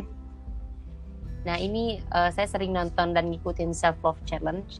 Ini hasil rangkuman dan yang saya pelajari dan benar-benar saya terapkan uh, di dalam diri saya oh, sendiri. Gitu pertama itu hmm, pertama itu uh, selalu tanya sama diri sendiri kamu udah benar-benar mencintai diri kamu secara penuh nggak? Sadar nggak? Benar-benar nerima? Sebenarnya karena uh, eh, self love sendiri itu uh, adalah ketika kita bisa embrace ourselves ketika kita berada di titik terendah atau kita lagi benar-benar sedih. pada masa terpuruk gitu dan, ya. iya uh, dan self love itu kita mencintai semua tanpa terkecuali apa yang ada diri di dalam diri kita sendiri termasuk inner child kita iya. tadi. Mencintai di sini maksudnya menerima apa yang sudah ada atau berusaha memperbaiki yang dirasa kurang gitu atau malah justru keduanya. Keduanya. Keduanya. Keduanya. Uh, itu uh, menurut aku ya versi aku. Jadi aku harus menerima apa yang terjadi di masa lalu dan sekarang tugas kamu untuk uh, sekarang dan ke depan itu adalah uh, apa namanya apa um, memperbaiki dan uh, uh, berusaha untuk oh, jadi iya, lebih baik benar, gitu. Makanya katanya ya Terus, ada uh, yang istilah berdamai dengan masa lalu. Nah iya benar, itu dia, ya itu dia. Hmm. Nah uh, kemudian kalau kamu nonton uh, analisa channel di sana kamu uh, uh, analisa analisa bilang kalau misalnya bagian dari mencintai diri sendiri uh, karena self love itu adalah bagian dari mencintai diri sendiri dan sang pencipta. Oh iya, benar-benar. Dengan uh, diri kita juga bilang itu kan kita jadi uh, dari mana kita berasal uh, gitu. Uh, uh, uh, uh, beliau bilang juga semakin kita mencintai pencipta kita, kita akan semakin mudah mencintai apa pun yang ada di dalam diri oh, iya. kita sendiri. Setuju, setuju. Uh, dan menurut saya cara uh, kita mencintai pencipta kita itu dengan uh, melaksanakan kewajiban kita dan menghindari larangannya uh, dan bersyukur dengan apa pun yang Allah berikan kepada kita di masa lalu maupun ya termasuk dengan uh, menghindari untuk menyakiti diri sendiri ya nggak sih Iya, ya, iya untuk menyalahkan diri sendiri kayak yang tadi kau ngomongin itu juga Uh-uh. bagian dari nggak mencintai Iya. diri sendiri dan nggak mempercayakan eh, apa nggak mempercayakan takdir Tuhan gitu Mm-mm, iya. Dan salah satu cara eh, apa namanya tadi itu yang kayak eh, mencintai diri sendiri dengan bersyukur dan lain sebagainya itu adalah dengan cara kita gak boleh jadi toksik di kehidupan orang Oh. lain. Menurut eh, menurut aku pribadi karena itu benar-benar ngefek kalau misalnya kamu udah jadi toksik di eh, apa namanya di kehidupan orang Mm-mm. lain, terus orang lain itu kesel sama kamu dan kamu eh, bakal ngerasa nggak nyaman dan kamu bakal nyalahin diri Oh, kamu iya. sendiri. perwujudan dari toksik terhadap orang lain tuh gimana maksudnya berkata-kata yang eh, terlalu kasar sama orang kah atau gimana gitu menurut kau Wafa? Eh, kalau menurut aku pertama adalah yang benar-benar aku rasain itu adalah kamu nggak boleh ngomongin orang Oh, lain oke. pertama kedua kamu nggak boleh mempengaruhi hidup orang lain dengan hal-hal yang buruk Mhm. kayak misalnya eh, nyuruh eh, teman kamu malas belajar nyuruh teman kamu untuk eh, berbaur dengan eh, lawan jenis yang seharusnya nggak penting gitu loh terus ngomongin orang gibah hal-hal yang nggak penting seperti itulah Mhm. membawa efek negatif untuk orang lain. iya Ya. Heeh. Nah, Terus apa? karena kan eh, apa namanya eh, negatif vibes itu juga ini sih kan eh, apa namanya ngaruh Mm-mm. sih Maksudnya salah Mm-mm. satu faktor Kemudian- kan yang Mm-mm, iya kemudian eh, saya berusaha memaafkan diri wah saya itu sendiri. part tersulit sih. tersulit tapi kalau kamu udah bisa memaafkan diri kamu sendiri kamu bakal bisa bahagia percaya deh kalau misalnya kamu udah bisa berusaha lihat nih ke belakang kamu berusaha oh it's okay Eh, kamu bilang nggak apa-apa itu kan eh, udah jadi Iya takdir Tuhan benar-benar.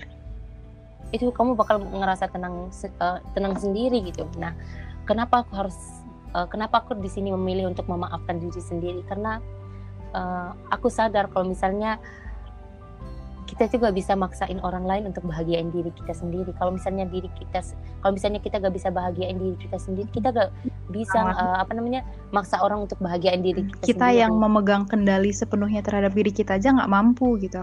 Orang lain Iya, kamu iya, harapkan bener. gitu Hmm.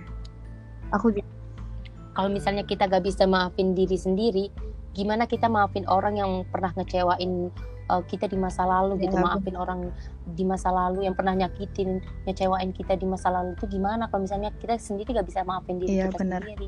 Nah itu aku juga dapetin dari podcastnya Sana. Kau apa tahu Sana nggak sih? Iya. Enggak, ntar Iya. deh share ya. Nah di situ dia bilang kayak Nah. apa banyak hal dalam hidup tuh yang harus di nggak papain gitu. Jadi slow aja. Jadi kalau misalnya ngerasa aku nggak cukup baik, terus eh, aku ya aku lagi gitu yang harus menyadarkan diri aku kayak nggak apa-apa gitu. Ini proses. Gitu. Iya. Mm-mm. Terus juga kalau kamu pernah baca quotes, uh, ada salah seorang bilang kayak Mm-mm. gini. Maaf ya kalau misalnya bahasa Inggris aku nggak terlalu bagus, tapi ini karena quotesnya bahasa Inggris, jadi aku harus uh, Ya, baca bahasa okay. Inggris. Um, dia bilang kalau misalnya weak can never Iya. forgive. Forgiveness is the attribute of the Aha. strong. Jadi mungkin maksud dari quotes ini adalah justru orang yang memaafkan itu yang Iya. kuat, bukan yang Iya. lemah. Dia kuat dan dia bisa berdiri sampai sekarang ini memaafkan diri sendiri dan orang lain berarti Iya dia, dia sudah mengalahkan banyak egonya gitu kan. Iya. Mm-mm. Bener sih. Iya. Terus, mm-mm. kemudian memaafkan diri sendiri itu kunci saat kita, kunci paling Mm. penting ya eh, pada saat kita berada di titik terendah Iya. kehidupan. Bener. Kalau kamu sadar itu, kamu benar-benar melakukan, aduh gimana yang Iya. jelasinnya benar-benar deh kalau misalnya udah maafin diri sendiri Iya, itu. secara teori aku setuju banget gitu. Cuman kadang eh, pelaksanaannya itu emang sulit sih, nggak segampang membalikan telapak Iya, tangan. Susah. Iya. Oke. Aku, aku punya tips yang benar-benar eh, aku bisa ya, dari sini aku bisa eh, apa namanya bisa memaafkan diri aku sendiri walau kadang aku nyesel gitu. Tapi eh, sekarang udah bisa menerima diri aku sendiri dengan cara memaafkan diri sendiri. Yang pertama itu kamu harus paksakan diri kamu sendiri. Eh, secara kasarnya kamu merasa nyaman atas ketidaknyamanan uh, itu merupakan uh, cara pertama biar kamu bisa memaafkan diri kamu oh, sendiri. Gimana tuh maksudnya lebih simpelnya? Kayak udah kita paksain diri kita uh, bukan berarti paksa bukan berarti kita uh, memaksa diri kita sendiri uh, yang hasilnya jelek. Tapi kita harus berusaha memaksa diri kita biar kita bisa maafin diri kita oh, iya, sendiri. kita, gitu. kita sendiri. Bukan bukan maksud maksudnya bukan terpaksa tapi memaksakan diri kita sendiri mm gitu. Tapi bukan iya, iya, terpaksa. Mencintai itu Nah, kemudian uh, kita uh, apa namanya merubah sudut pandang kita uh, terhadap masa hmm. lalu kita. Dengan cara uh, don't blame yourself yes, too much. Do not do that. Iya, aku selalu uh, dulu itu selalu nyalahin diri aku sendiri di masa lalu dan sekarang aku sadar don't blame yourself mm -hmm. too much uh, dengan cara belajar memaklumi. Yeah untuk kemudian bisa memaafkan dan mengambil hikmah serta ilmu yang dari setiap kesalahan yang pernah kita lakuin di masa lalu itu kita harus kita harus terima gitu karena itu udah Iya itu Tuhan. bagian dari kisah hidup kita gitu kan yang kita nggak bisa hilangkan tapi uh -uh. kita setidaknya bisa terima gitu bisa ikhlaskan iya uh -uh. benar uh -uh. terus terakhir kalau kamu ikutin terus apa namanya uh, tentang uh, mental health, kamu pasti tahu tentang uh, butterfly hug. Butterfly heart. Hug. Hati. Hug. Enggak. Oh, peluk. hug. Sorry bahasa Inggris aku benar-benar aku yang nggak denger. Iya iya oke oke. Apa tuh maksudnya? Oke, okay. itu salah satu terapi self forgiveness yang di mana uh, give your yourself a butterfly hug. Jadi kamu peluk ada deh caranya di YouTube. Kamu meluk diri kamu sendiri. Uh -huh. Terus kamu bilang ke diri kamu sendiri, kamu yakin bahwa semua baik-baik saja dan kesedihan itu akan berlalu dan Tuhan pasti uh, ngasih kejutan yang tidak akan kamu sangka-sangka di kemudian hari dan kamu harus percaya okay. itu. Nanti aku akan cari itu. Oke. Okay. Kemudian uh, cara aku itu adalah dengan cara memuji orang lain. Iya, benar sekali kalau kamu ngikutin pasti kalau kamu pasti tahu ini dengan memuji orang lain itu kita ngerasa iya. senang yeah. ya enggak hmm. sih nah terus uh, dari memuji orang lain itu kita kita sadarin diri kita dong. Kalau misalnya orang lain punya kekurangan yeah, yeah. Uh, orang lain punya kekurangan terus kamu kenapa bisa muji orang lain yang punya kekurangan dan sedangkan diri kamu juga punya kekurangan? Kenapa kamu nggak bisa uh, melakukan hal tersebut ke dalam Wah, diri kamu quote, sendiri? quote tebel. Apa sih namanya? Cocok untuk kan. Kata mutiara bayi wafa 2020 apa sih? Nah aku selalu nanamin diri aku sendiri. Oke okay, kamu puji orang lain. Kalau misalnya kamu gak bisa muji diri kamu sendiri oke okay, puji orang lain dan yeah. kamu senang. Hmm.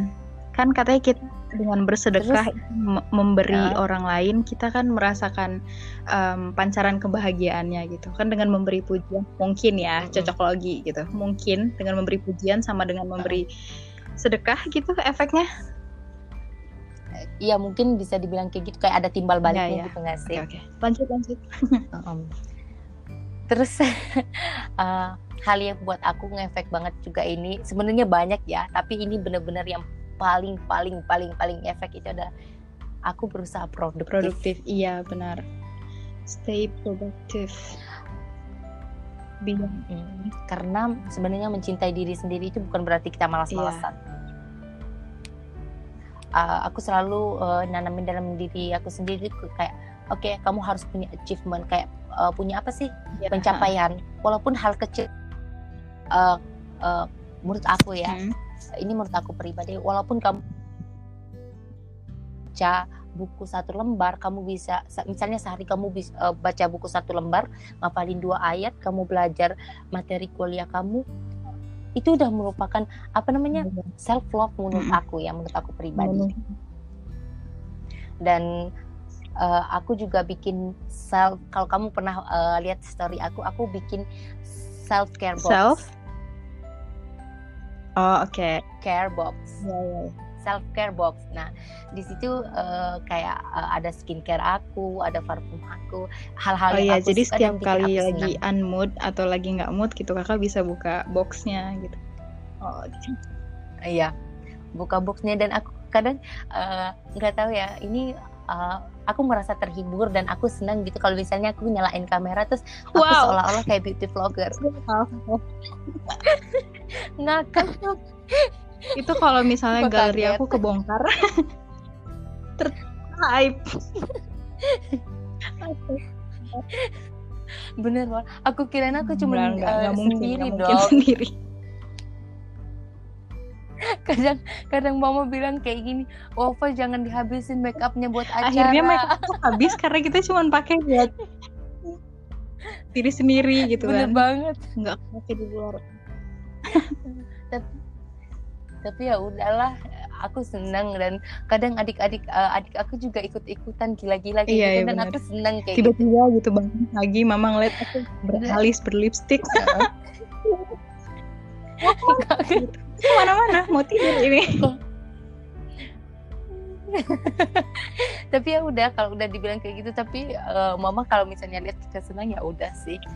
Dan aku selalu bikin goals sih. Walaupun eh, aku selalu bikin daily goals. Kayak misalnya hari ini aku harus iya. eh, cuci baju itu kayak goals aku. Dalam sehari aku oh, berarti aku udah nyuci baju aku jemur baju aku ngerapin kamar aku dan aku belajar. Jadi eh, aku punya pencapaian sendiri gitu dan itu bikin aku senang dan terserah orang mau bilang aku lebay sok sibuk dan lain sebagainya aku nggak peduli karena nah aku itu kalau udah aku juga kayak gitu. Aku juga kayak punya goals jangka pendek gitu kan yang kayak goals per hari. Tapi kalau aku lagi nggak mood Hmm. itu goalsnya aku Heeh. coret.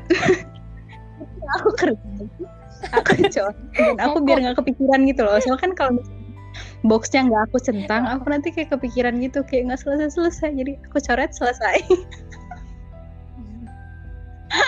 Kalau aku nggak Mm-mm. kalau misalnya lagi malas nih aku pasti eh, apa namanya heboh sendiri. Kayak semangat yo yo semangat pak ayo ayo gak boleh diri kayak sendiri. nyemangatin sendiri kayak kadang adik-adik aku kesel. Tapi eh, mereka paham kalau misalnya aku lagi malas dan aku nyemangatin Oh, diri oke, aku oke. sendiri. Ini kayaknya kita udah terlalu nyaman deh kak Wafa. Jadi bisa ditiru. durasinya panjang sekali. Bentar bentar lagi nih. Eh, kayaknya tinggal oke, Eh, bisa bisa. dua dua lagi.